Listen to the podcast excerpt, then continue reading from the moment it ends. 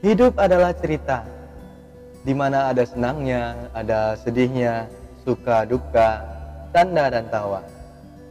Jadi di sini aku akan bercerita tentang pengalaman hidup maupun itu kisah cinta, kisah horor, dan mungkin aku bakal ngobrol sama seseorang sharing pengalaman cerita tentang kehidupan masing-masing karena di cerita orang dan pengalaman orang bisa menjadikan kita atau memotivasi diri kita sendiri untuk merangkai sebuah mimpi atau juga bisa merangkai gimana sih supaya kehidupan kita tuh jadi lebih baik dengan cara kita sendiri. Terima kasih. Sampai jumpa. Teteo.